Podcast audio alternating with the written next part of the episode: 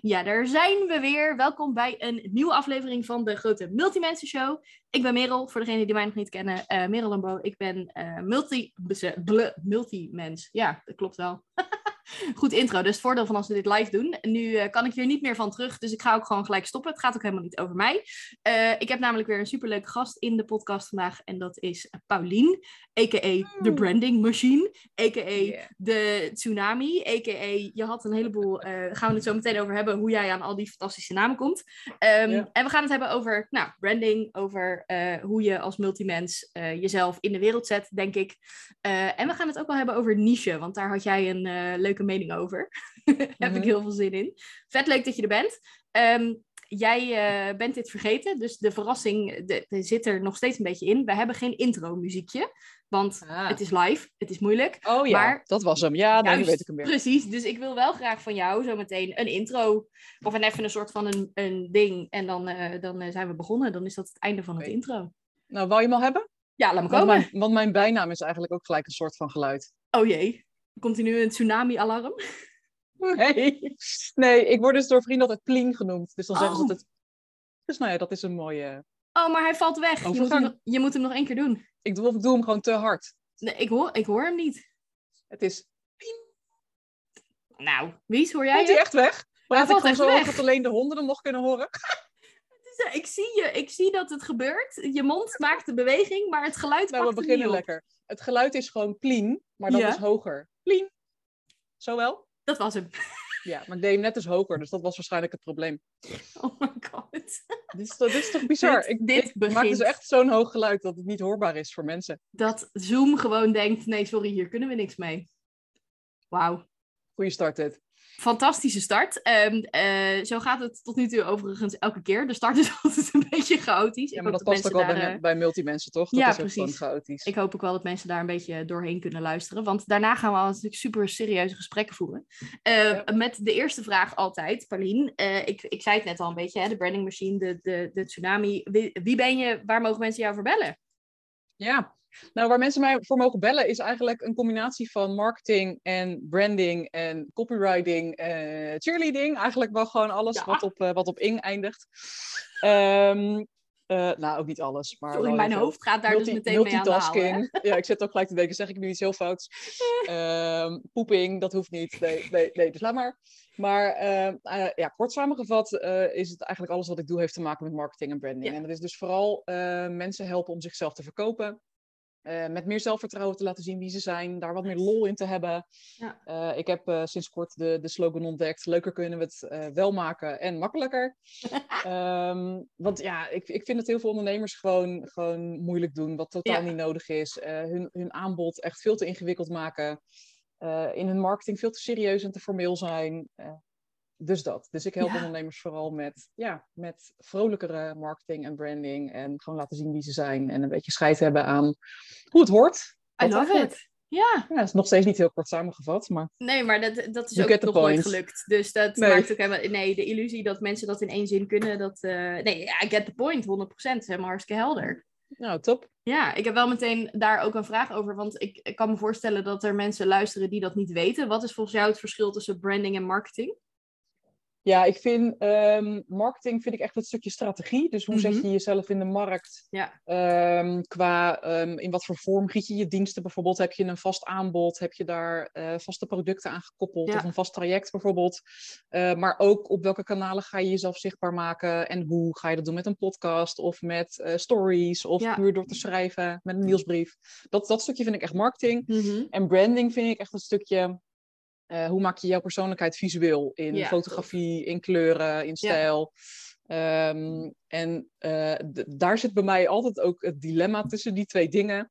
Eh, want wat bij mij natuurlijk vooral altijd zichtbaar is, is ook het stukje branding. Dus ik, ik word heel vaak benaderd door mensen die denken dat ik puur het stukje huisstijl doe en vormgeving. Ja. Terwijl ik eigenlijk van origine helemaal geen vormgever ben. Ik ben gewoon heel handig met tools als Canva. En eh, Ja. ik maakte bijvoorbeeld allemaal cv's in Microsoft Word destijds. Alle, alle serieuze, Ehm, echte, officiële vormgevers die draaien zich om in hun graf. ja, jij zegt, daar ik doe neus dat in op Canva. natuurlijk. Ja, die denken, "Huh, jij noemt jezelf een ontwerper. Ja, precies. Oh, maar ehm, eh, dus in de, in de kern ben ik eigenlijk meer een marketeer. Maar ik, ik maak dingen heel makkelijk visueel. Ja. Leuk. Ehm, of, in, of ik vertaal ze naar tekst. Dat eigenlijk net zo goed. Dat vind ik dus ook leuk. Dus ja, ik merk dat ik dan heel vaak aanvragen krijg van... joh, kan je voor mij een huisstijl maken? En dan denk ik, ja, vind ik leuk.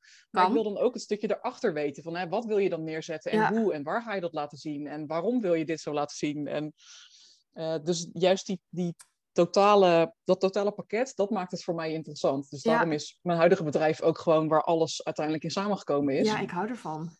Ja, ik ook. Ja. Maar Ja. keuzes maken is dus niet, eh, niet mijn sterkste kant. En Ja. Maar volgens jou hoeft dat ook helemaal niet. Dus dat Spoiler alert. ja, precies. dat doen we niet aan hier. Nee, dat eh, nice en helder ook. Tenminste, voor jou, dat is grappig. Voor mij is het dus super helder waarvoor mensen jou kunnen bellen. Ik kan me ook voorstellen dat mensen die iets minder eh, multi snappen, zeg maar, dat dat, dat, Mhm. dat best nog wel ingewikkeld is.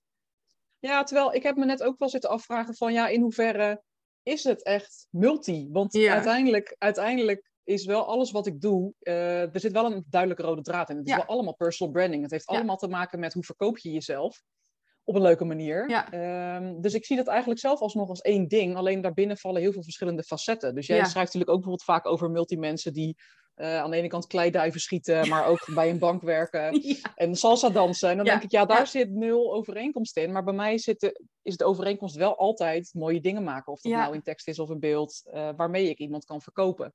ja, Dus tof. het is alsnog één ding, maar, maar wel met heel veel verschillende kanten, denk ik.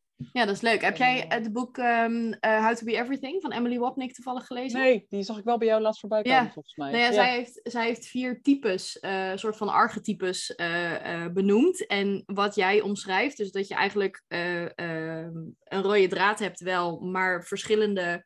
Het zijn ook wel gewoon echt verschillende dingen die je doet. Want het is en vormgeven, maar ook copywriting. Dat zijn gewoon hele andere skills. Maar jij, Ja. jij bent dus, dat, als ik het even zo snel mag eh, diagnosticeren, ben je eh, volgens de, de, de archetypes van Emily Wapnick een group hugger. En dat is dus Ah. iemand die in een soort van alles wat ik doe en alles wat ik kan, neem ik mee in één grote knuffel. En daarmee ga ik jou Ja. Omarmen met alles wat ik kan. En dan kun je dus inderdaad naar buiten met jezelf Ja, beter dat past ook wel bij mijn verkopen. persoonlijkheid. Ja, toch? Lekker knuffelen. Ik hou ervan. Ik ga, ja. ik ga hem eens opzoeken, want daar wil ik wel even meer over lezen. Ja, nou ja, het is wel, het is wel interessant, want het is, het is sowieso leuk om, om, dat, eh, om dat van jezelf, als je dat, als je dat weet, of nou ja, eh, voor, volgens mij ben jij ook een van de eerste die zei, ja, eh, ik, ik maak er gewoon niet zo'n heel groot probleem van, van dat hele, ik, ik doe nou eenmaal dit ja en ik dit heb het ook nooit als een dat. probleem en, gezien, inderdaad. nee, ja, fantastisch. Nee, ja, ja, Ik heb het meer als een probleem gezien doordat, doordat ik zelf gewoon vrij chaotisch ben en impulsief. Dat zag ik altijd als een- ook wel een nadeel, want ik ben Mhm. Ja. heel slecht in plannen. Eh, maar de laatste jaar vooral ben ik, ben ik wel steeds meer gaan omarmen dat die impulsiviteit ook wel mijn kracht is. Want Leuk. daardoor ja, ga ik het ook gewoon doen gelijk. ja. Eh, en gebeuren en er hele toffe veel- dingen. Ja, en ik merk dat heel veel ondernemers bijvoorbeeld eh, daar juist blijven hangen bij die drempel van ja, ik, ik heb allemaal toffe ideeën in mijn hoofd, maar Ja, zijn dan zo perfectionistisch dat ze het toch niet gaan uit. Want het is allemaal nog net niet perfect. En ik ja, flikker het gewoon gelijk eh, Instagram op of LinkedIn. En daar, dan dwing ik mezelf daarmee ook om het ook echt uit te gaan voeren. Dus die impulsiviteit werkt als ondernemer denk ik juist heel goed. ja. Eh, en iemand anders die zei laatst, ik noem het niet impulsief, maar intuïtief. Toen dacht ik, ja, zo kan je het ook wel zien. Dat je gewoon ja dat heeft, maar dat heeft volgt. meteen een andere soort van bijsmaak. Klinkt toch wat positiever, hè? Ja, oh, apart. Terwijl, waarschijnlijk is het inderdaad precies hetzelfde. Die zei, ik noem dat intuïtief. Nou ja, intuïtief vind ik inderdaad meer je gevoel volgen. En dat hoeft Ja. niet per se te zijn dat je er ook gelijk actie op onderneemt. En impulsief vind ik inderdaad meer van, ja, je gaat gewoon meteen maar doen. Je dus Eh, eerst, eerst doen, dan denken. ook in één keer bedacht van misschien... ga- Oh, oh, kom, misschien moeten we in Harderwijk gaan wonen. Dat ik dan ineens zo'n zo'n idee heb. En wat dan helemaal niet realistisch blijkt te zijn. Want we zijn ondertussen ons eigen huis aan het verbouwen. Ja. Eh, en, en mijn man, die, is dus, die gaat daar volledig in mee. Die zegt dan ook, ja, relaxed. Dan Is goed, leuk. Gaan we doen. En die kinderen, oh, die kunnen gewoon hier naar school. En we zijn gelijk bij een school gaan kijken daar. En bij een huis. Ja, joh. En dan denken we een dag later van, ja, dat is eigenlijk helemaal niet praktisch. Maar... Misschien is dit helemaal nog niet zo heel handig. Nee, Nee. Maar het, het, daardoor is, is het ook nooit saai, denk ik. Ja, je, je onderzoekt daardoor wel gewoon alle ideeën. En als Ja. het werkt, dan is het tof. En als het niet werkt, ja, dan ben je daar meteen achter in ieder geval, toch? Ideaal. Ik vind het een beetje hetzelfde verhaal als mensen die, eh, die de, bijvoorbeeld zeiden destijds... Ik ging ook heel snel samenwonen dus met hem. Eh, echt al toen we elkaar eh, een maand kenden of zo. Van, ja, maar als het dan niet werkt... Ik zei, ja, dan kan je dat toch beter nu Dan achterkomen meteen dan over drie jaar. maar weten. Ja, precies. Ja, dan heb je toch drie jaar netteloze relatie Ja. heb je dan... Ja, eh, goed punt. Ja. ja. En zo Ja, werkt het denk ik ook met ondernemen. Als iets, eh, als iets niet werkt, kan je het maar beter meteen weten. Ja, Anders heb jij een heel plan uitgewerkt in je hoofd. Staat het perfect in tekst en in beeld. En dan gooi je het online en dan krijg je chirpende krekels. En dan denk je, ja, oh ja, jammer. kak. Ja, Ja. dus ik denk dat dat impulsieve, ja, dat... eh, het is gewoon een soort van trial and error bij mij altijd Ja. geweest. Ja, maar het is ook wel leuk om te zien, want jij, jij bent inderdaad wel iemand, jij bedenkt vanochtend iets en vanmiddag staat er dan een, een nieuwe, nou wat was het laatste, confetti-kanon bijvoorbeeld. Ja, Vet leuk. Ja. En dat doe je dan een paar keer en als het dan, als het aanslaat of als het leuk is, dan ga je ermee door. En zo niet, dan, nou, dan heb je het in ieder geval gedaan. Maar ja, ik- volgens mij ben Precies. jij zo iemand die nooit, nooit, maar dan ook echt nooit in je leven gaat zeggen, had ik maar, nee. nee. Zit dat, hoe, heb je, had je dat altijd al? Ben je zo, ben je zo geboren? Hebben ze jou zo Ehm, gemaakt? Hoe, hoe zit dat? ja, dat is een goede vraag. Ja, het- ik denk dat ik dat altijd al wel gehad heb, dat ik wel dingen probeerde. Dat is denk ik wel typisch oudste kind Ja. syndroom. Dat ik ook altijd wel dus mijn eigen pad Oh ja. creëerde. Daar had ik het laatst met Loes, zusje, dus ook over. Dat, dat zij altijd een beetje in mijn voetsporen gelopen heeft als kind. Maar dat dat nu de laatste jaren juist heel erg aan het verschuiven is. En dat, het- dat we nu eigenlijk steeds een beetje om de beurt voorop lopen. Dus dat we daar weer een beetje onze nieuwe rolverdeling in aan het zoeken Oh, zijn. lachen. zo. Ehm, maar ik was dus wel inderdaad iemand die altijd wel makkelijk gewoon dingen ging uitproberen, de weg uit ging zoeken. En, en, en mijn vader die zei bijvoorbeeld altijd, vrouwen die weten de weg niet, eh, behalve Paulien. ik was altijd de enige die wel bijvoorbeeld op wintersport de weg terug naar ons appartement kon vinden. Verder ook helemaal niet generaliserend of zo, maar... Oh, wat Ehm, goed. Maar goed, eh, ik was dus ook altijd wel, ik kon altijd wel mijn eigen pad vinden en bewandelen. En dat, dus dat zat er wel vanaf kinds aan al in, denk ik. Ja. Ehm, maar dat is wel sterker geworden sinds ik ben gaan ondernemen. Want ik ben Ja, eigenlijk ik. puur bij toeval het ondernemerschap ingerold. Ja. Maar hoe langer ik erin zat, hoe meer ik merkte dat dit gewoon echt is waar ik hoor te zitten. En dat Dit is wel een 100% perfecte... Bij mij past. Ja, snap ik. Ehm, want het was dus eigenlijk helemaal niet, niet per se met opzet of zo. Maar, Maar eh, vertel eens, want je zegt ik ben per ongeluk het ondernemerschap ingerold. Nou ja, per ongeluk is How ook, dat een beetje suf misschien. Maar eh, ik, ik, ondernemen leek me altijd al heel leuk. Mijn vader die wilde graag zijn eigen bedrijf, maar die, die heeft dat niet meer op kunnen richten omdat hij op zijn 47ste is overleden. Hmm. Maar die had toen altijd al wel de plannen om ook voor zichzelf te gaan starten. Dus ik vond het altijd mega interessant. Van, hoe ga je dat dan doen? En die markt, dan zou ik zijn marketingmuts noemen, zei hij dan. Ehm, maar ehm, ik wist altijd van ondernemen lijkt me heel tof. Maar ja, in wat dan? Wat ga ik Ja. dan aanbieden? Weet je wel? Ja. Ik had gewoon geen flauw idee. En destijds, ehm, dat was in 2015, toen ging ik zelf solliciteren voor een marketing- of communicatiefunctie wilde ik. Dus ik ben toen een beetje online gaan zoeken naar toffe cv's. Nou ja, die kon ik totaal niet vinden. Die waren allemaal super saai. Dus ik heb toen voor mezelf in één dag dus een heel tof cv aan elkaar zitten knutselen. Eh, waarmee ik gelijk werd aangenomen bij Douwe Egberts ook. Dat was mijn eerste sollicitatie, dus hij werkte ook gelijk goed. Ja. Ehm, en ik kreeg toen dus van heel veel mensen die opmerking van... joh, wat tof, kan je mij daar niet ook een keer mee helpen? Want jouw cv sprong er echt direct tussenuit. En ehm, eh, ja, ik vind het heel lastig om mezelf goed te verkopen. Dus in eerste instantie ook collega's van Douwe Egberts... maar Oh, ook cool. eh, vrienden en familie. Dus zo begon het balletje toen te rollen. Ehm, en ik deed toen zelf nog eh, zo'n outplacement traject bij Randstad. Ja. Ehm, en ook mijn loopbaancoach die zei, joh, super tof. Kan je dat niet ook voor mijn kandidaten gaan doen? Dus ik dacht, hé, hier is eigenlijk Hey. wel markt voor blijkbaar. I, I smell a business. Ja, en, en zo ging het eigenlijk ineens heel snel rollen. Want Oh, zij ging dus meerdere kandidaten per week naar me doorverwijzen. En ook haar collega's uit Utrecht. Nou, toen Ja. heeft zij het op een gegeven moment op een intranet van Randstad gezet. En toen ging ineens Randstad ging landelijk helemaal allemaal naar Oh, verwijzen. Dus toen dacht ik echt, ho, ik heb nog een parttime baan hiernaast. Want ik dit eh, doen? even de- voor, voor mijn beeldvorming. Jij ging dan voor al die mensen die naar jou toe kwamen hun cv pimpen. Ja. Ja. En ik had Vet, daar al ja. vrij snel een, eh, een intakeformulier voor bedacht, want dat werkt natuurlijk wat efficiënter. Want ik, Ja. die kandidaten die spraken natuurlijk live met die loopbaancoach. Ehm, en die willen dan niet dat hele gesprek Dat hele verhaal voeren. ook nog met Dus- jou voeren. Zij vulden dan samen met die loopbaancoach dat intakeformulier in. Met Goed. dingen als, wat zijn je persoonlijke eigenschappen? Hoe omschrijven je vrienden je? Ehm, wat is je ambitie? Hoe ziet je droombaan eruit? Ga je nu voor je droombaan? Eh, zo ja, waarom wel of niet? Nou ja, et cetera. Vet leuk. Ehm, wat zijn je favoriete kleuren? Nou ja, en dat vertaalde ik dan dus naar een cv. ja. En, eh, en die loopbaancoaches, die, die deden dat eerst zelf. Dus die zaten dan zelf heel lang te klooien met hoe ga ik deze persoon goed eh, verkopen. Die waren Ja. niet handig met opmaken of met Word of überhaupt met schrijven. Ehm, en die, die kwamen er gewoon achter van ja, als we een cv van Pauline doorsturen, dan worden die mensen heel snel uitgenodigd bij een opdrachtgever. Dus voor hun cijfers was het ook weer gunstig, Ja, want al die ik. kandidaten kwamen snel weer aan de bak. Ja. Dus, eh dus er gingen er zo steeds meer naar me doorverwijzen. Dus ik heb denk ik in die eerste paar jaar echt 500 cv's alleen al voor Randstad gemaakt. Jezus. Ehm, en zitten zoeken van hoe kan ik dat gaan uitbreiden met andere freelancers. Of, eh, ja, dus dat, dat was een uitdaging. Ja, maar ook Ehm, echt maar in, ook de, heel in de categorie.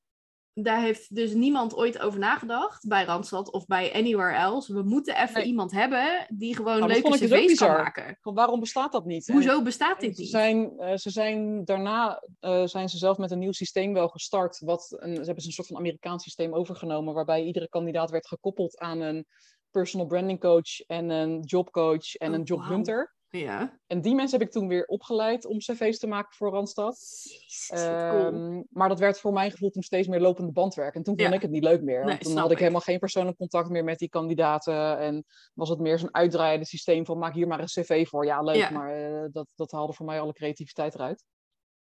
Eh, dus toen heb ik zelf gezegd van nou, ik kap met die samenwerking, wat natuurlijk best wel eng was, want dat was 80% Dan- van ik mijn wou net inkomsten, zeggen, ik. mega inkomsten ook.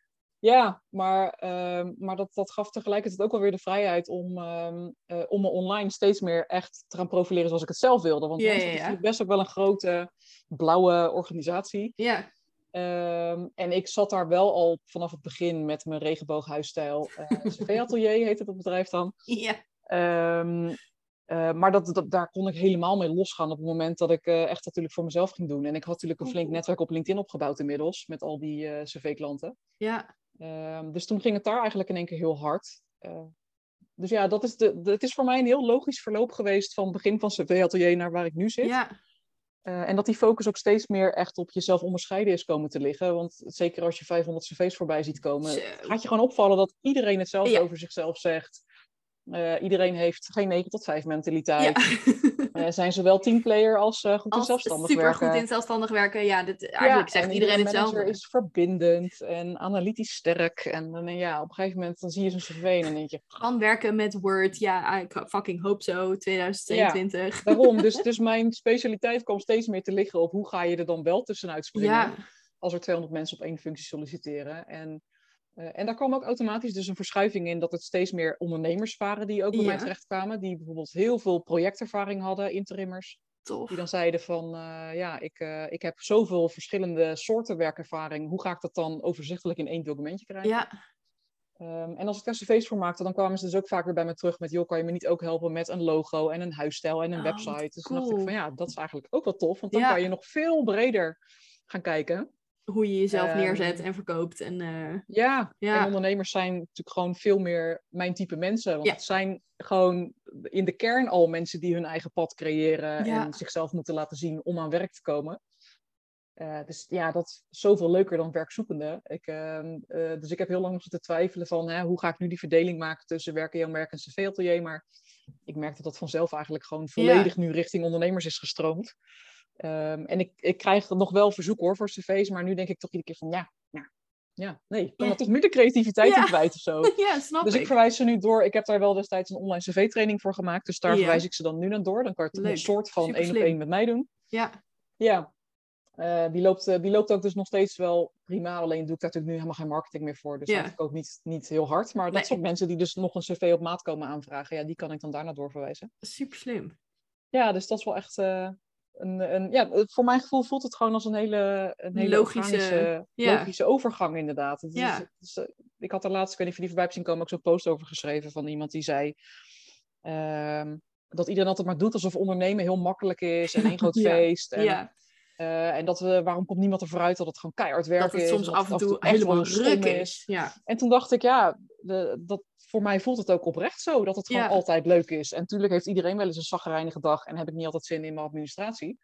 Maar die kan je uitbesteden als je daar geen zin in hebt. Precies. En, Als je en daar het ondernemen consequent chagrijnig van wordt.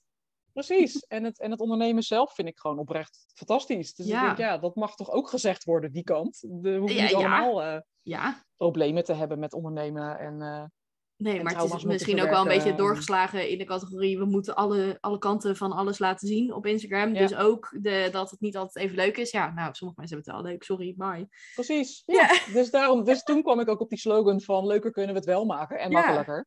Het hoeft allemaal niet zo ingewikkeld te zijn. Het hoeft ook allemaal niet zo moeilijk te zijn. Nee, en ik denk ook wel dat dat, dat dat mooi aansluit bij het stukje jezelf verkopen. Want mensen doen ook heel krampachtig in de categorie... Ik, ik moet als serieuze ondernemer mezelf neerzetten. Dat, die zul je ongetwijfeld ook wel veel meemaken. Mensen die, die Tuurlijk. schrikken van jouw roze, van Mhm. jouw roze dingen bijvoorbeeld. Ik krijg heel veel klanten die zeggen van... ehm, ja, ik ga echt aan op jouw website en eh, super enthousiast en tof en lekkere korte teksten. Maar ja, bij mij mag het dan allemaal wel een tikkeltje minder hoor. Oh, ja. En dan denk ik, ja, je, je hoeft ook, jij hebt ook geen roze huisstijl. Nee. Eh, maar ik vind het wel belangrijk dat er wel één onderdeel is van jou wat ik echt mag highlighten op een toffe manier. En, en of dat nou in tekst is of in beeld, maakt me dan niet uit. Maar als je een hele suffe beige huisstijl wil en brave formele tekst, ja, dan moet je niet bij mij zijn inderdaad.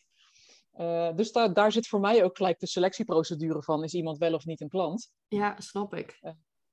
Maar ja, natuurlijk krijg ik die reactie heel vaak. En vanaf Ja. het begin al van, joh, je roze is toch geen zakelijke huisstijl. En Ah, zoveel joh, je was mij niet? roze en oranje. Hoezo niet? Ja, Nou ja, mensen die dat niet leuk vinden, die wil ik dus ook niet als klant. Dus Nee, prima. snap ik. Maar wie heeft dat bepaald ook? Dat je dan dus om serieus Ja. genomen te worden, moet je wat? Zwart en, en beige? En... Nee, maar wie heeft überhaupt bepaald dat kantoren altijd fucking lelijk wit met TL-balken zijn en dat iedereen in pak moet komen en donkerblauw en grijs moet draaien? Ja, Ja, wie, wie heeft, nee, waarom heeft er nooit iemand bedacht dat dat leuker kan? Weet je, dat dat gewoon met een beetje kleur wel- gezelliger is. Precies, en Ja. inmiddels is natuurlijk echt wel een verandering in, in gaan. Tuurlijk, Je ziet echt wel jawel. zat toffe Ja. kantoren met, eh, met hele game rooms en weet ik veel. Ja, Ehm, maar ja, er zijn nog steeds gewoon heel veel mensen die daar wel aan vasthouden aan dat zakelijke. En, Ja. eh, ja, maar Ja. goed, wij in ieder geval niet. Zitten nee, in en ik wou zeggen, het is niet alsof jij geen fucking bloeiend bedrijf opbouwt met je roze met oranje huisstijl, toch? Ik bedoel, Daarom, daarom, voor mij werkt business is booming, volgens mij. Ja, ja. ja. het gaat gewoon lekker. Dus ja, weet je, ik, eh, eh, ik blijf dat ook gewoon lekker volhouden. nice. En, eh, en, en ik vind het ook gewoon heel leuk om te zien dat dat voor klanten dan dus uiteindelijk ook werkt. Ook al vinden ze het in eerste instantie spannend. Ehm, al zijn ze dan over het algemeen, ik maak ze ook echt niet zo extreem uitgesproken allemaal. Er zit altijd nog wel een, eh, een, een toontje lager, denk ik, dan mijn eigen branding. Maar die is Ja. ook redelijk hysterisch.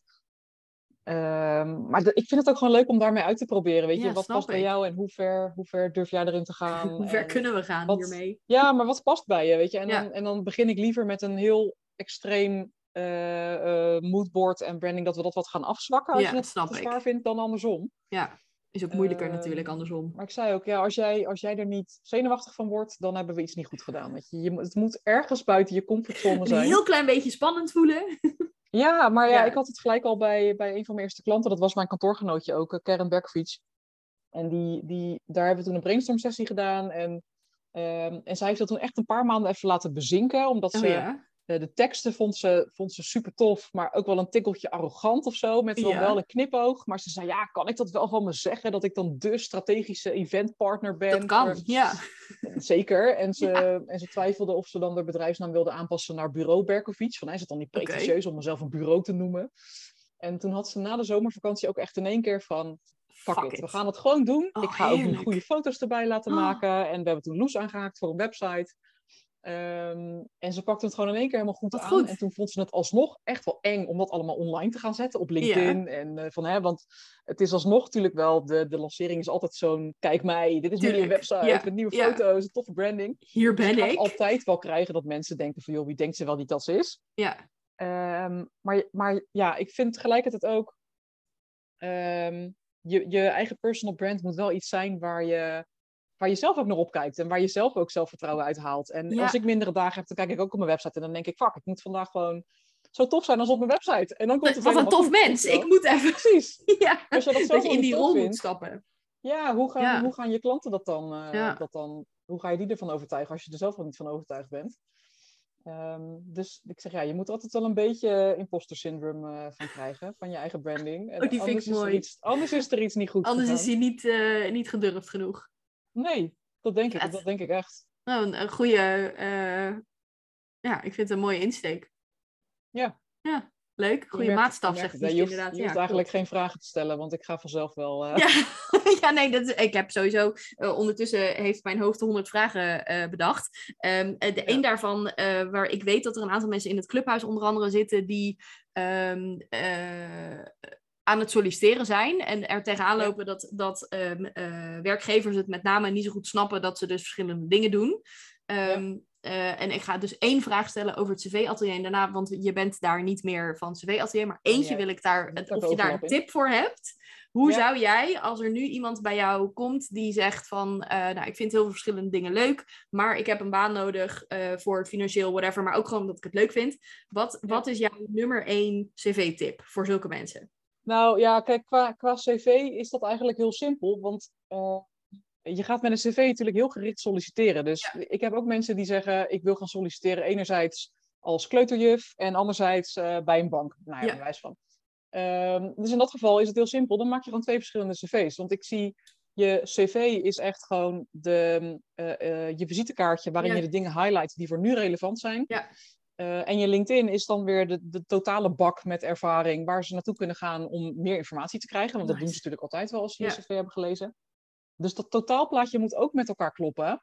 Eh, maar in je cv ga je gewoon puur focussen op die dingen die nu voor die werkgever relevant zijn. En baan als die je denkt, daar... ja, ik heb ja, en daar zijn zoveel tips en tricks voor. Want als je, geen, als je daar niet genoeg ervaring nog in hebt, dan zorg je dat je hem aanvult met wat referenties van bijvoorbeeld vrienden en familie die die onderdelen van jou highlighten.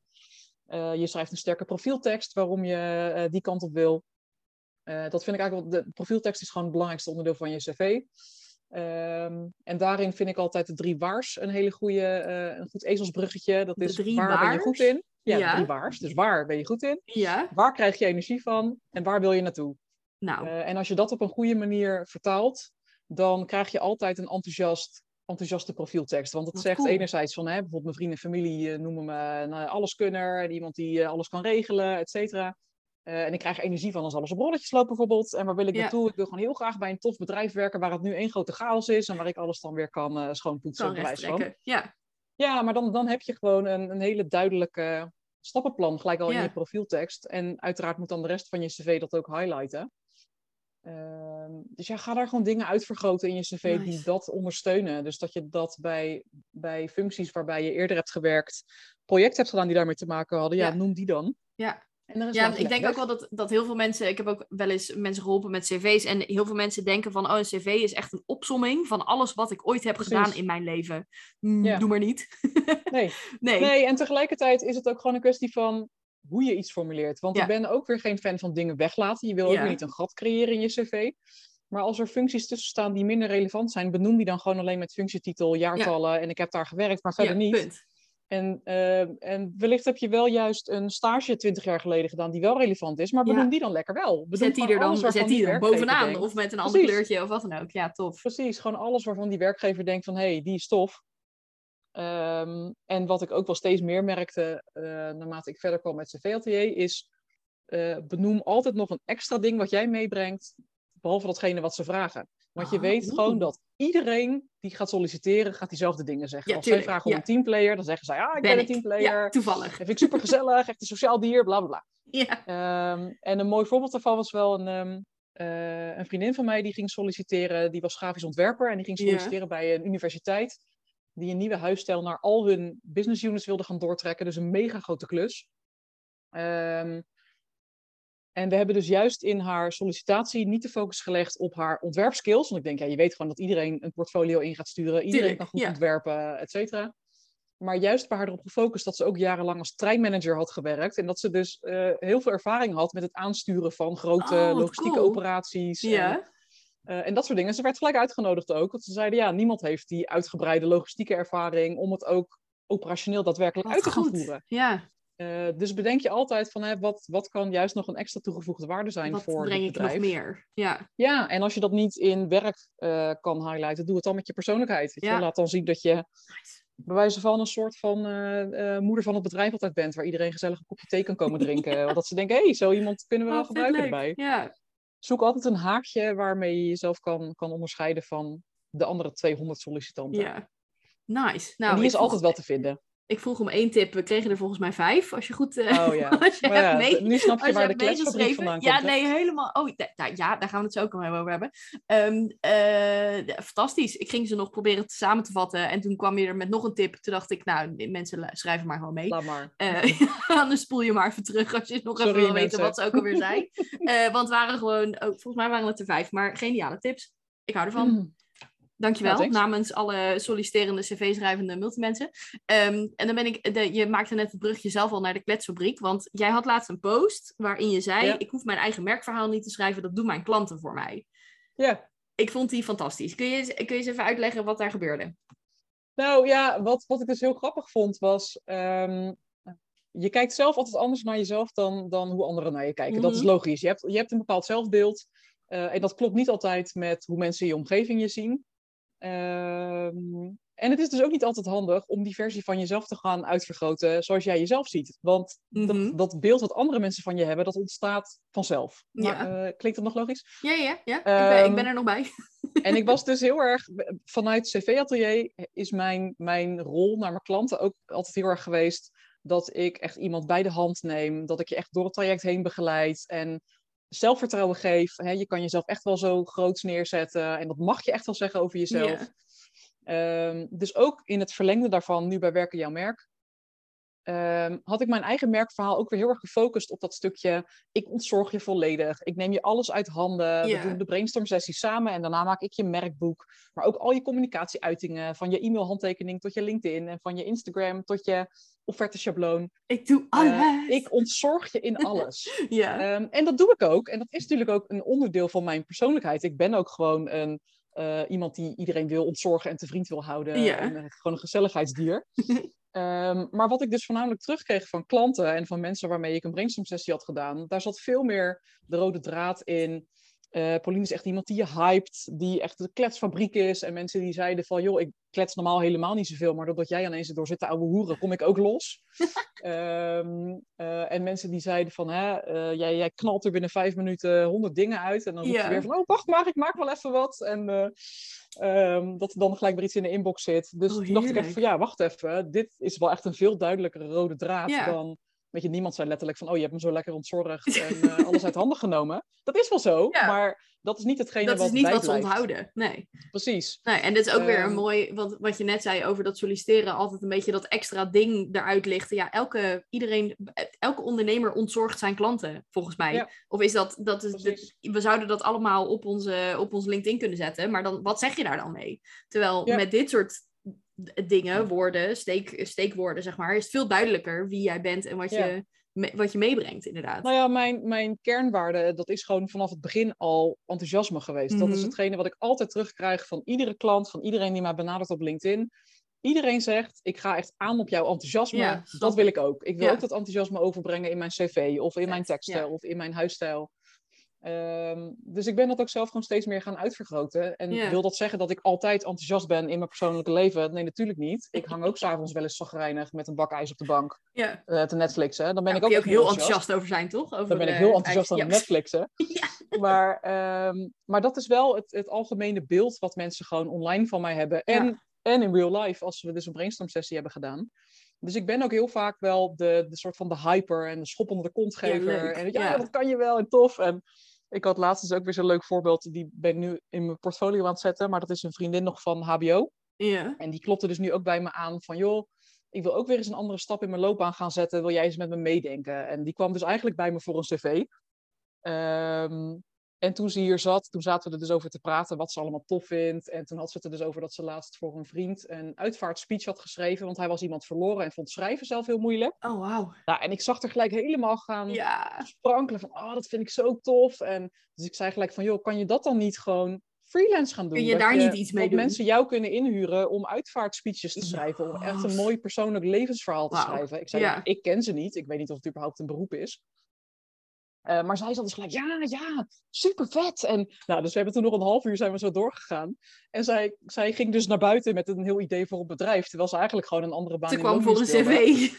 Ja, en uiteindelijk is, eh, is ze toen gelijk. ehm, ze heeft zich ook gelijk ingeschreven voor een opleiding eh, ritueel begeleider te worden. Oh, wauw. Dus ze heeft ook echt meteen stappen gezet. Wat Dus, cool. Dus zij ook, ja. De, eh, iedere keer als ze dan iedere keer weer even inzakte van ja, hoe kan ik hier nou een business van maken of wat dan ook, dan belden we weer even en dan zei ze, oh ja, dat is een tof haakje. En dan zat ik weer, nee joh, dat is gewoon leuk, moet je gewoon gaan doen.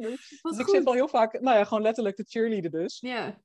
Ehm, en mensen een beetje uit die comfortzone te duwen. Omdat ik ook gewoon weet dat ondernemen echt tof is en hele mooie Ja. kansen kan bieden. En als je dat spannend vindt om dat in één keer volledig te gaan doen, denk ik, ja, dat snap ik ook.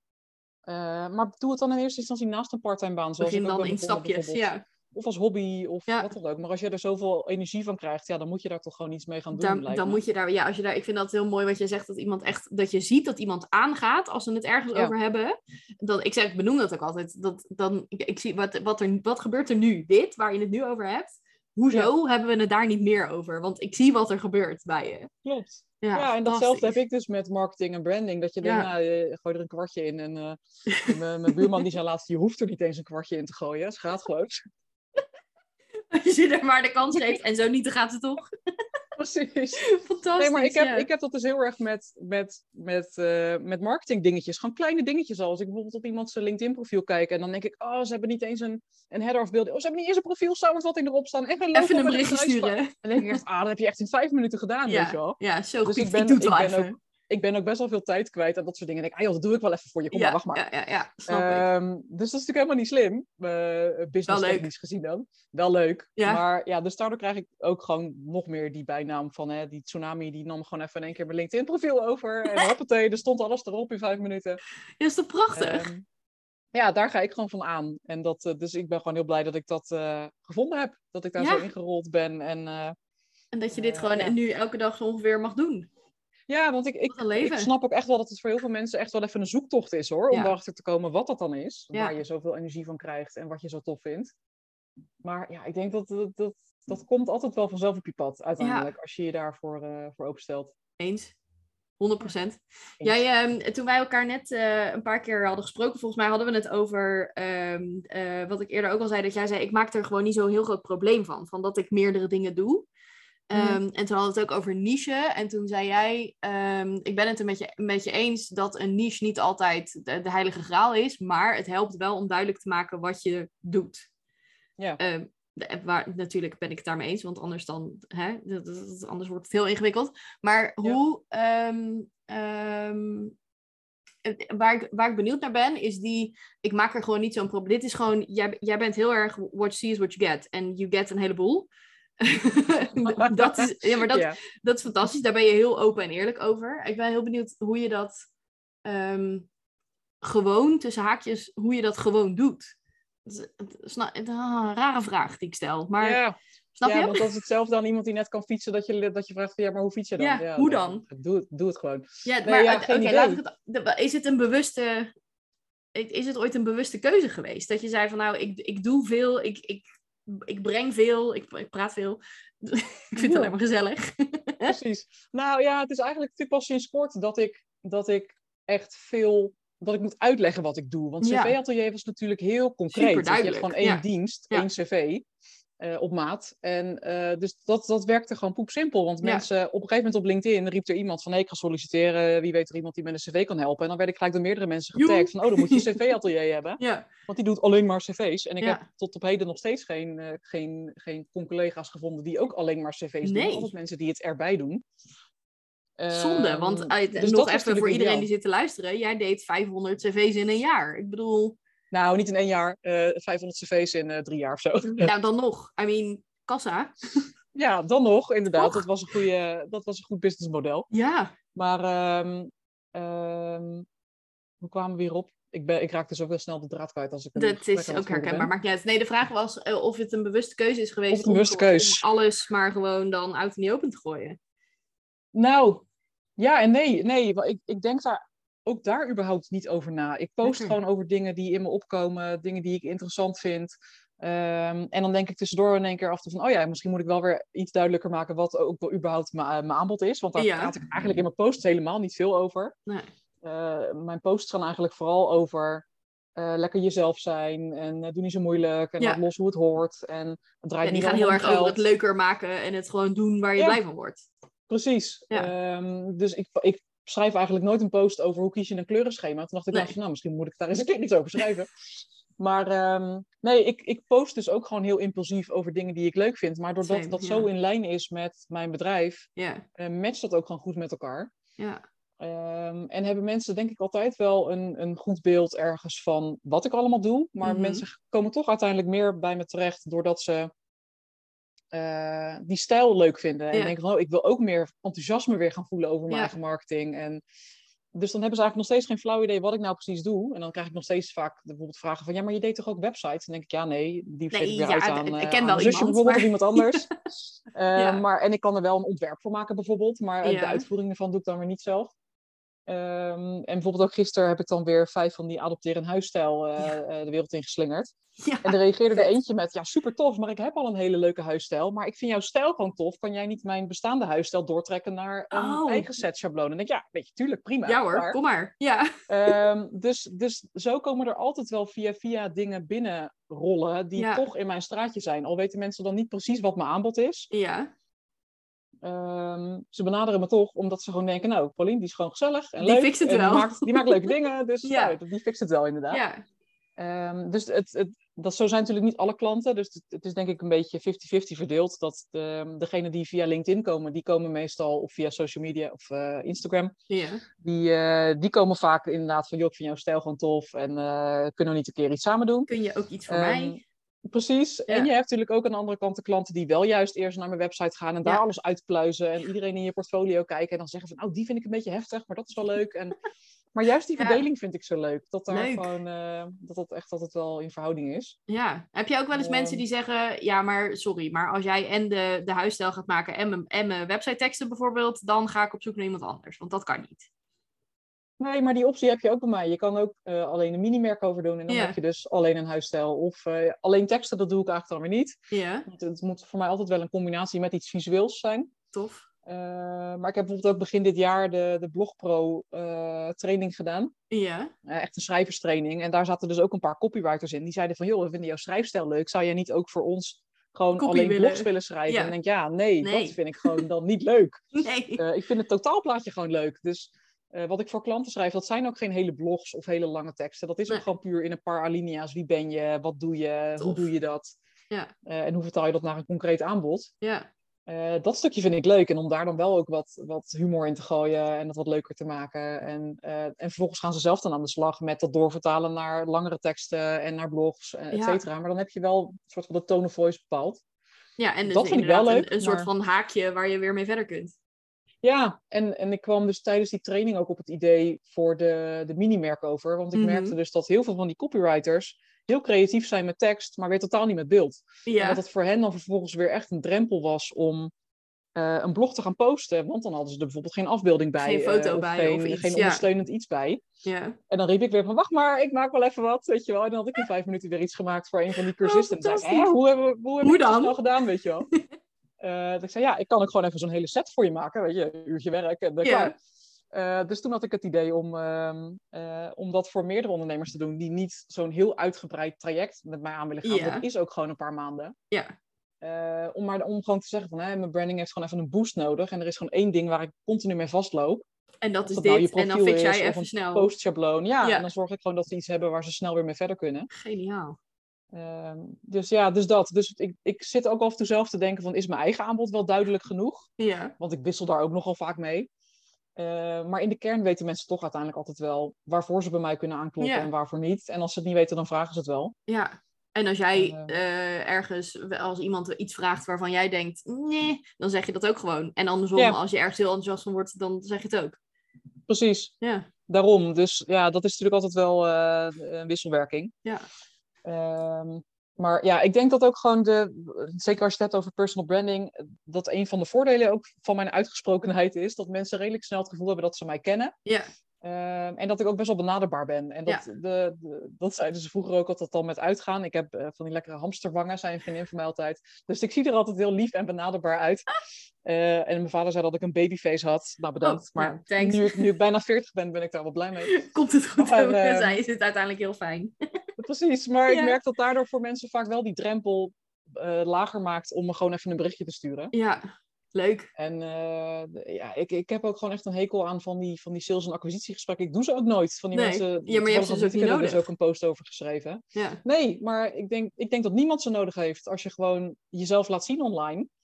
Ehm, en vooral lol hebt in wat je doet. Dan is dat zo aanstekelijk dat Ja. mensen jou wel gaan benaderen. En dan hoef je niet mensen te gaan benaderen met... joh, ik heb echt een traject wat helemaal Ja. perfect voor jou zou zijn, hoor. Ja. Eh, en nu nog een maand eh, met korting. Ja, sorry, maar dan, dan ben ik al mij afgehaakt. niet bellen, bij jou weer afgehaakt. Nee, precies. Ja. Precies. Ja, en jij, jij zei net, ehm, ik doe mini-merkovers, ik doe grotere merkovers, ik doe de, de- dus ook volgens mij best wel af en toe wat ad- ad hoc werk. Als jij inderdaad een LinkedIn-pagina ziet en je denkt, nee, dat kan beter, heb je dat even zo gefixt. Hoe, ehm, hoe ziet een week in het leven van, eh van Paulien eruit? Nou, ik denk dat je dat niet wil weten. ja, juist wel, ik ben heel Eh, benieuwd. een, een week in het leven van Pauline is dat ik gewoon als een kip zonder kop rondloop te Die rennen. duurt zes jaar, een week. Ja, precies. Ja. ja, momenteel is het, is het echt even nog een, eh, een tikkeltje erger, want we, ehm, we zijn dus ons huis aan het verbouwen, dus Ook we nog. wonen nu op de camping. Ja, Mijn dag begint nu om half zeven 's ochtends. Dan ga ik zelf pas douchen en dan sleep ik daarna mijn kinderen uit bed die nog helemaal niet uit bed willen. die moeten En die ook prop ik douchen. Dan, die prop ik dan heel snel in de auto en dan geef ik ze daar een broodje en dan racen we naar school. Ehm, dan race ik dus door naar kantoor, Ja. ehm, eh, waar ik dan eh, aan de koffie ga en even bij zit te komen. En dan begin ik dus pas om tien uur.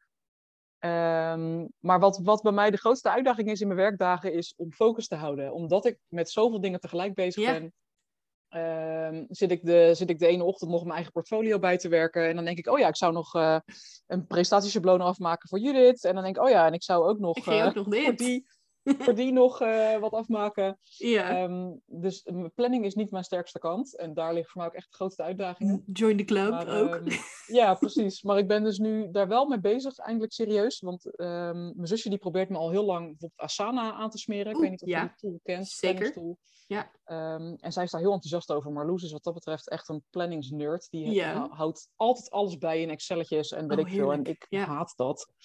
Ehm, dus ik heb toch iets van, ja, super handig zo'n tool. Maar die moet je dan eerst helemaal in gaan richten. En daar heb ik al geen zin in. ben je al drie dagen verder.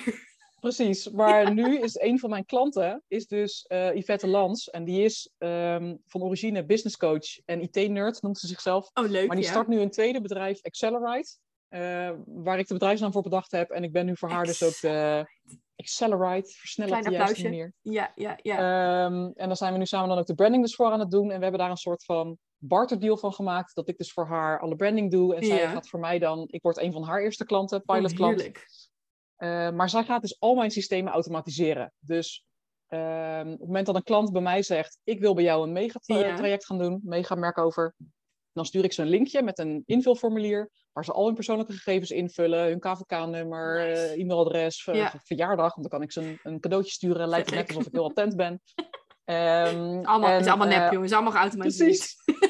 Uh, en alles wordt dan uh, digitaal ondertekend en meteen betaald met een betaallink en een factuur. Dat wordt allemaal geautomatiseerd. Oh, En dan gaan ze gelijk mijn projectmanagement systeem in, een soort Asana, maar dan heet het ClickUp. Ja. Ehm, en dat gaat zij dus ook voor mij inrichten, dat, dat als iemand een megamerk over afneemt, dan komt er meteen een heel lijstje met taken. Dus daar ga ik een brainstorm sessie inplannen en we gaan een gezamenlijk Pinterest bord aanmaken en Oh, een wat gezamenlijke. Google Drive. En ja. dan wordt de brainstorm sessie, dan moet je het merkboek opleveren, dan is de feedbackronde. Dus eh, gewoon alles komt daarin te staan. Wat fijn. En dat gaat mij zoveel overzicht geven. Dit, ja, dit, het voelt ook in. meteen als dat je je dan ook gewoon kan focussen op de dingen waar je goed in bent. Het, Ja. het is niet het bedenken wanneer je dat merkboek moet opleveren, maar het maken van dat Nee. ding. Precies. Wat goed. Ehm, en ik heb dus nu eh, iedere dag wel meerdere van die oh ja kak momenten dat ik dus iets vergeten ben. Eh, en dat hoop ik dan dus niet meer te hebben. Hands up, iedereen die dit ook wel eens heeft. ja, precies. Ja, oh ja kak. Oh ja kak. Ik had Oh, ja, shit. en dan is het Ja. vijf uur en dan, en dan denk ik oh ja ik moet de kinderen alweer gaan halen. En dan denk ik oh crap ik had die mail nog even moeten beantwoorden. Ja. Ja. En dan zit ik toch s'avonds maar weer een paar mailtjes te beantwoorden omdat Ja, ik het vergeten ja. was. Ook dat is herkenbaar. Ehm, Ja. Dus ik hoop dat dat minder wordt. Ja. Ehm, en dat ik dan dus wat meer tijd heb om eh, nieuwe projecten uit te werken. Eh, want ja, dat gaat nu dus vaak ten koste van Ten koste een van de twee. Ja. Ja. Ja. Zijn er ook, Dus, ja. ook- zijn er ook dingen waarvan je denkt, als je zegt van nou, ik heb eigenlijk niet zoveel tijd om projecten uit te werken, moet, dan, dan denk je van, maar zijn er ook dat je 's ochtends wakker wordt met een idee en dat je denkt, nou, dit gaan we niet doen? Hoe, hoe bepaal je welke dingen je wel en niet Ehm, uitvoert? Ja, zo.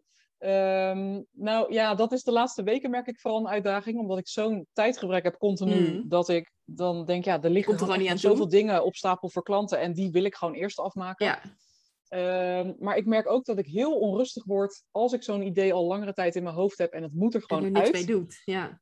Precies, en dat kost me dan eigenlijk uiteindelijk meer tijd, omdat ik dan met mijn focus maar half bij zo'n klantproject bezig Ja. ben bijvoorbeeld. En dan zit ik ondertussen met die adopteren en huisstijl bijvoorbeeld van ja, eh, ik heb, ik heb er nog zoveel liggen. Dat En is die- toch als tof? die er nou gewoon op staan, dan kan ik ze gewoon verkopen. Maar Ja. nu ligt het daar maar gewoon te verstoffen. Ja, Ehm, We heel even een klein reclameblokje inbouwen. Want ik vind, ik ben zo fan van adopteer en huisstijl dat je moet even iets meer vertellen over wat het inhoudt. Wat het inhoudt, nou, het is begonnen als. ehm, eh, ik maak voor, omdat ik zo'n zo'n zo'n tsunami eh, branding machine, et cetera ben, voor één klant maak ik nooit één huisstijl. Eén huisstijl, ik, ja. ik, ik begin gewoon ergens en meestal resulteert dat erin dat we drie, vier huisstijlen passeren totdat we de dat, dat, daadwerkelijke huisstijl Ja. hebben. Want je blijft natuurlijk eraan tweaken, toch andere kleuren, toch andere lettertypes. Eh, maar als ik ergens enthousiast over ben en het voor me zie, dan werk ik dat gelijk al uit naar een totaalconcept. Dus de kans is groot dat ik per, per klant al drie totaalconcepten heb Complete huisstijlen. Daarom. En Ja. eh, degene die ze uiteindelijk kiezen, tof. Maar dan liggen er dus nog twee andere toffe ook op de plank waar ik niks mee doe. Ja, want dat zijn Eh, wel, dus je toen- maakt dan wel drie hele verschillende dingen. Niet zeg Precies. maar eentje in kleur X en eentje in kleur Y, maar gewoon heel verschillend. Nou, er zit vaak natuurlijk wel wat overlap in. Maar eh, als ik ze dan alsnog ter adoptie aanbied, dan tweak ik ze natuurlijk wel zo dat ze ja. wel echt anders zijn. Want ik wil Ja. niet dat iemand een kopie van mijn, van mijn maatwerkklant heeft natuurlijk. Snap ik, ja. Eh, maar ik heb gewoon heel veel onuitgewerkte concepten, concepten nog staan in Canva. En ik dacht, ja, dat is gewoon echt zonde, want ik vind ze tof. En eh, misschien wil ik vind, iemand anders ook tof, wil die er juist mee gaan werken. Ja, Dus ik heb ze toen de eerste keer eh, op Instagram en LinkedIn geslingerd. ja.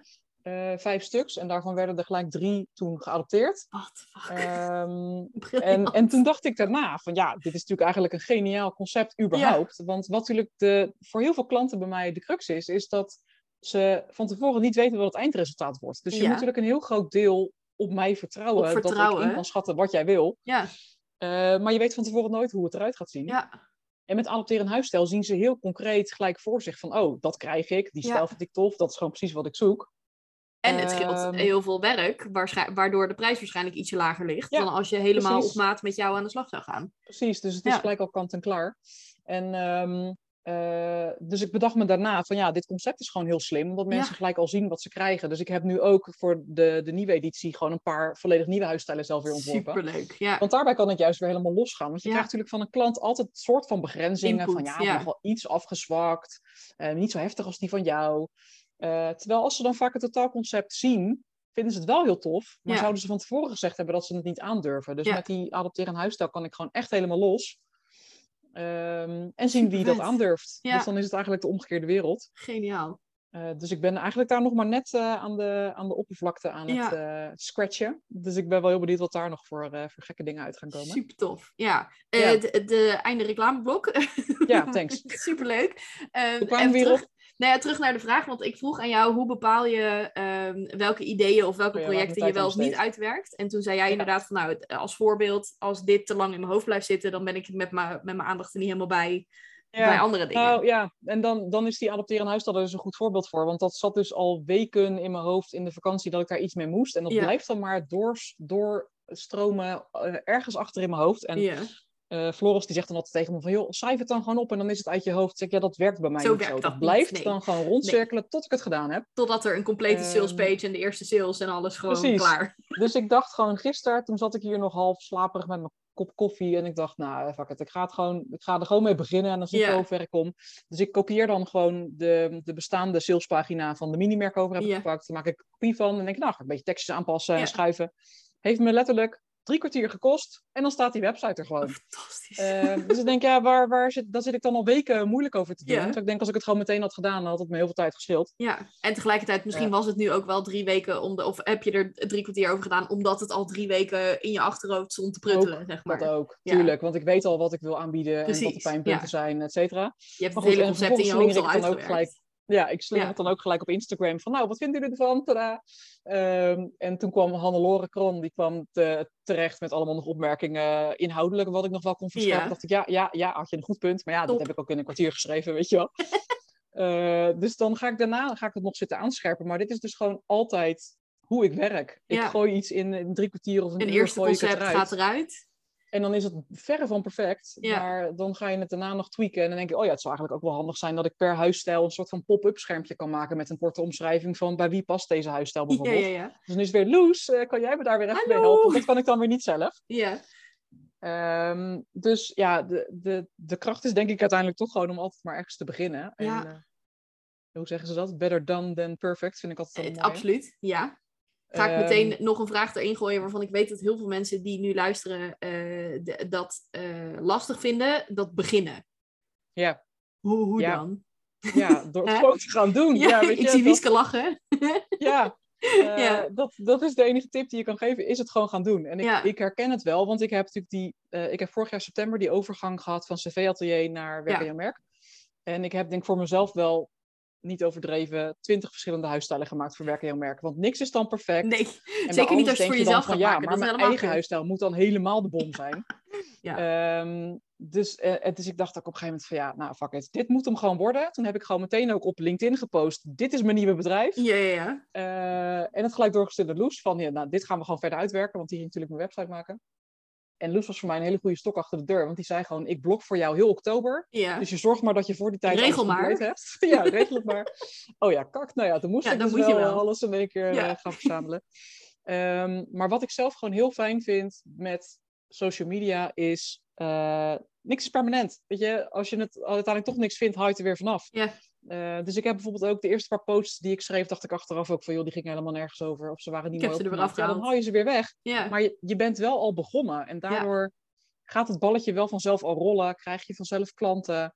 Ehm, ik heb ook van die klanten die zeggen van ja, maar ik heb nog niks te delen. Want ik ben nog niet echt begonnen met mijn bedrijf. Of ik heb nog geen logo. Ja. Nou, je logo hoeft überhaupt niet op je Instagram Nee. te staan. nee. Ehm, en als je nog geen klanten hebt, ga dan dingen gratis aanbieden. Zeg Ja. ik ga gratis een keer een, een sessie met je doen. Of ehm, mag ik gratis een keer jouw LinkedIn profiel scannen. Kijk wat Ja. ik daaraan kan verbeteren. Je kan altijd wel iets Ergens aanbieden. beginnen. Ja. En iedereen wil alles gratis. Eh, als ik één keer roep dat ik gratis LinkedIn makeovers doe, dan komen er Zo, in één keer dan ben je de 200 rest van, ben je de rest van het jaar ben je klaar. Ja, eh, dus de- je kan altijd dingen gratis doen. Ja. En, ehm, en daar kan je weer over gaan schrijven en posten. tof. en, eh, ik had ook laatst een coach die zei van, ja, maar mijn gesprekken zijn allemaal ehm, vertrouwelijk. Super Daar kan ik niks over confidential. delen. Ik zeg, je kan ook één, één anekdote uit zo'n gesprek Ja. delen. Niemand hoeft Ja. te weten wie Je het hoeft is. niet het hele gesprek met naam en voornaam en eh, de adresgegevens Precies. en zo op en die ging toen dus ook inderdaad zo'n soort van anekdote delen op LinkedIn. Nou, die, die deed ook gelijk supergoed. Ja, maar dan snap snappen ik. mensen wat je doet. Want weet je, de mensen zeggen dan ook altijd van ja, maar jij kan heel makkelijk zichtbaar maken wat je doet. Want jij, jouw werk is visueel. Dan denk ik, ja, maar iedereen kan zichtbaar maken wat hij doet. Ja. Je kan overal over schrijven. Ehm, je hoeft er geen foto van jezelf bij te zetten als je dat niet wil. Dan zet je Nee. desnoods gewoon een titeltje erbij. Ja. Ehm, in een leuk kleurtje. Weet je, het hoeft helemaal niet zo ingewikkeld te zijn. Maar je kan altijd alles zichtbaar maken. Ja. En als je dat niet doet, ja, dan hoe, hoe gaan mensen je dan vinden? Inderdaad. Dat zichtbaar maken is gewoon het allerbelangrijkste. Ja. Ik, ik had het daar vanmiddag ook nog over met een copywriter toevallig. Die, ehm, eh, die ook zei van ja, de meeste mensen vinden het gewoon zo lastig om überhaupt te doen wat ze leuk vinden. En daar succesvol in te worden. Ja. En we hadden het dus over dat opleiding eigenlijk best wel overrated is. Hm. Dat ik achteraf denk van ja, wat doe ik nou überhaupt nog met mijn opleiding? Welke opleiding heb je gedaan? Communicatie, wetenschap en daarvoor vrije tijdsmanagement. Dus Oh ja, ik kreeg top. eerst altijd te horen, oh, dan heb je zeker heel veel vrije tijd. Ehm, en vervolgens kreeg ik te horen, ah, dan kan je zeker heel gezellig kletsen. Nou ja, inderdaad. dat klopt. Ja. Ehm, ja, maar ehm, dus ik denk ja, achteraf, natuurlijk heb je er echt wel iets aan gehad, maar dat, zei, dat is voor mij eigenlijk vooral gewoon, hoe zeg je dat, algemene ontwikkeling, gewoon levenservaring wat ja, je erop snap doet. ik. Ja. Maar heb ik iets aan die theorie gehad? Nee. Nee. Nee. Eh, ik zou tegen mijn kinderen nu eerder zeggen, ga lekker je eigen bedrijf beginnen als je 15 bent. Eh, ga via TikTok eh, iets verkopen. Eh, en dan kom je er vanzelf achter wat je leuk vindt. Ja. En, je altijd en hoe je dat je daar een aan de man wil kan gaan brengen. ja. Ja, maar dat is natuurlijk het voordeel als ondernemer. Iedereen kan verkopen wat hij wil, aan de man Ja. brengen wat hij wil. Je hoeft er geen opleiding voor te hebben als je jezelf maar goed kan verkopen. Yep. En natuurlijk moet je wel iets goeds opleveren, anders Ja. komt er nooit meer iemand bij je terug. Nee, maar goed, dat, dat Ehm. probleem lost zich dan vanzelf op. Als je heel goed bent in jezelf verkopen en vervolgens je klanten laat zitten. Ja, maar ik weet je, ik denk heel veel dingen zijn gewoon logisch nadenken. Wat, Ja. wat, wat wil jij zelf zien als je op een website Ja. komt? Eh, wat vind jij zelf leuke ondernemers om te volgen? Waar delen die over? Eh, zijn die continu hele formele dingen aan het delen of uitgebreide niet, ja. theoretische modellen? Eh, Tuurlijk niet. Nee. Daar heb je ook geen zin in. Jij werkt ook met iemand samen omdat je ze leuk vindt. Ja, dus ja, ga gewoon lekker jezelf laten zien online. Dat is gewoon altijd de eindconclusie. vet. Op een leuke manier. Ga gewoon lekker jezelf laten zien online. Ik heb nog duizend vragen, maar eigenlijk zouden we hem hier kunnen afsluiten. Ja, Punt. ik zat ook te denken, we zijn al een uur bezig, maar volgens mij hebben we echt eh, drie van je twintig. Ik, de- de- we, zijn er nog, we zijn er nog lang niet. Maar we, we gaan ook gewoon nog even door hoor. Want eh, te Ik gezellig. zeggen, ik heb nog wel even hoor.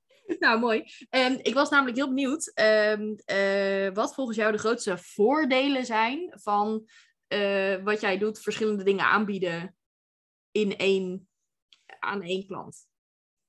Zo, ehm, nou, ik, had, ik heb toevallig laatst een paar klanten gehad die, ehm, die dus inderdaad los bij iemand waren gekomen voor een huisstijlontwerp. Ja. En vervolgens bij een copywriter. Ja. En vervolgens bij een marketeer om hun propositie helder te krijgen. En dan achteraf zeiden van ja, als ik had geweten dat jij dat allemaal deed, was ik eigenlijk liever gewoon in één keer bij jou Ja, geweest. Want dan heb je gewoon zo'n one-stop shop. Want die gaan bij iedereen weer diezelfde vragen beantwoorden over wie ben je, wat Ja. doe je, waar ben je Ja, goed in, wat onderscheid je. Want die gaan het ook allemaal aan je vragen. Ja, Ehm, en dat wordt gewoon een kloppend totaalpakket. En ehm, ik kan natuurlijk ook niet alles zelf, al zou ik willen van wel. Eh, maar ik ben helemaal geen goede fotograaf. En websites bouwen zou ik in theorie kunnen, maar daar heb ik helemaal geen zin in. Daar word je Eh, niet software blij van. technisch gezeur. Ehm, maar daar ken ik wel weer natuurlijk een hoop mensen voor. Dus ik vind, ik vind het leuk om eigenlijk als soort van projectmanager voor een klant te fungeren. ja, Ehm, en dus wel uiteindelijk het totaaloverzicht te bewaren voor die klant. En als we dan dus bijvoorbeeld eh een loes aanhaken voor een website of Ja, een andere of iemand voor foto's of wat dan ook. Ja, Eh, of bijvoorbeeld nu voor een klant laatst eh, hebben we ook met Marinka van Knalrood Illustratie samengewerkt. ja, Ehm, weet je, die krijgen dan gewoon van mij een briefing van dit is het Vet. idee, dit hebben Dit we in ons doen dit willen we gaan doen. Kan jij dat maken? vet. Eh, en dan klopt het totaalplaatje uiteindelijk wel. En ik eh, zorg dan uiteindelijk natuurlijk weer dat die foto's weer in hun social media schablonen komen, op hun LinkedIn profiel. Ja. Ehm, dus dat ze alsnog uiteindelijk volledig ontzorgd zijn. Daar hebben we I weer. love it. Ehm, Je zei net dus ook, ik- en toen ja. dacht ik, ja, eigenlijk het is ook nog wel een goede, een goede one-liner als je nog in de market bent voor, voor een nieuwe one-liner, maar je one-stop shop voor jezelf gaan laten zien. Ja. Zoiets. Ja, fantastisch. de one-stop shop voor online zichtbaarheid of zo. Voor online zichtbaarheid, ja. Ja, dat is wel een goede Dat is inderdaad. best leuk. Ja, zeker. Een one-stop shop vind ik sowieso een Ja, heerlijk sowieso, eh, die heerlijk sowieso woord. lekker. En ik, Ja. zei, ik had het ook laatst met iemand over, eh, met Stefanie van Peper in je Zaak. Die, eh, toen zei ik van, nou, Walhalla vind ik ook zo'n zo'n lekker, Een lekker woord. Ja. Zo'n lekker woord. Iets van Ja. de branding Walhalla of zo. Dat ik dat nog een keer wil maken. Want dat, Ja. wordt, nog een, dat wordt nog een volgende Oh, stap, denk ik. Dat ik. Een online omgeving wil gaan maken waar iedereen gewoon... Dus een zo'n Walhalla waar je met je eigen branding aan de slag kan gaan. Oh, heerlijk. Eh, ja. en vooral om het leuk te maken. speelparadijs om het dan helemaal ja, eh, dat. te pimpen. Maar dan, ja. voor, maar dan voor volwassenen. Vet. Eh, dus dat, dat wordt de volgende stap nog. Ik zie ik. enthousiaste blikken bij, onze, bij het publiek. Ja, leuk. Doe het! Ja, vet. Nee, ja, maar dat staat dus ook al heel lang op de planning. Maar daar geldt dus ook weer voor. ja, wanneer dan? Weet je? Want ik, ik zat ook nog te bedenken. Mijn bedrijfsnaam leent zich natuurlijk heel goed voor subtrainingen. Als Ja. werk aan je huisstijl, Ja. werk aan je LinkedIn, werk aan je. Instagram, werk aan je teksten. Ehm, dus daar kan ik nog honderd verschillende trainingen voor maken. Ja, Ehm, en ik weet vanuit CV-atelier met die online CV-training dat dat gewoon heel goed loopt, zolang je daar aandacht aan besteedt. Ja. Want je moet er echt wel marketing ook voor doen. Ja. Maar als het eenmaal loopt en als mensen je weten te vinden, dan kan je zo makkelijk daar weer in eh, cross-cellen en Ja, door naar de volgende training. ja. Eh, en, en ik kan dan gewoon veel meer mensen bereiken natuurlijk. Want dat, dat blijft het enige nadeel van mijn werk. Dat het gewoon tijdsintensief is. Ja. En dat je niet meer uren kan verkopen dan Zeker je als je één op één natuurlijk maatwerk doet.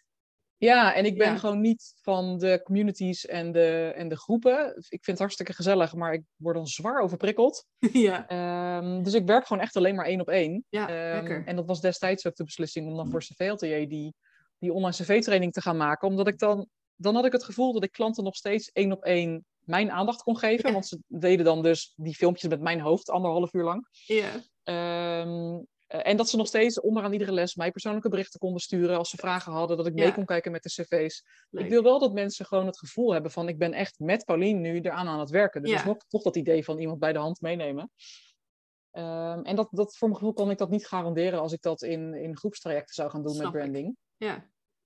Ehm, Het is wel leuk, want Dus ja, datzelfde, dat, datzelfde principe zit nu eigenlijk ook in adopteren een huisstijl. Denk, vind ik. Ja. Klopt, want dat is nog steeds inderdaad persoonlijk, maar het is gewoon sneller. Ja. Ehm, maar goed, ik ben dus, dus nu met Accelerate dan bezig om al die processen te automatiseren. Dus de volgende stap wordt dan, als dat staat, dan kunnen zij ja. ook eventueel een online leeromgeving voor me gaan maken. Ja. Die ook weer gekoppeld is automatisch aan alle systemen. Lekker. Eh, dus dat zou heel lekker zijn inderdaad. Ja. Zie je ook ergens in de future een moment waarop je niet meer één op één gaat werken, maar bijvoorbeeld alleen online trainingen maakt? Ja, dat ik denk het niet eigenlijk. Ehm, want de- dan, mis ik, dan mis ik een heel groot deel dat zelf, ehm, eh, zelf creëren. Ja, Eh, dan, dan ben je eigenlijk alleen nog maar feedback aan het geven op wat andere mensen maken. Dat vind Ja. ik ook heel leuk.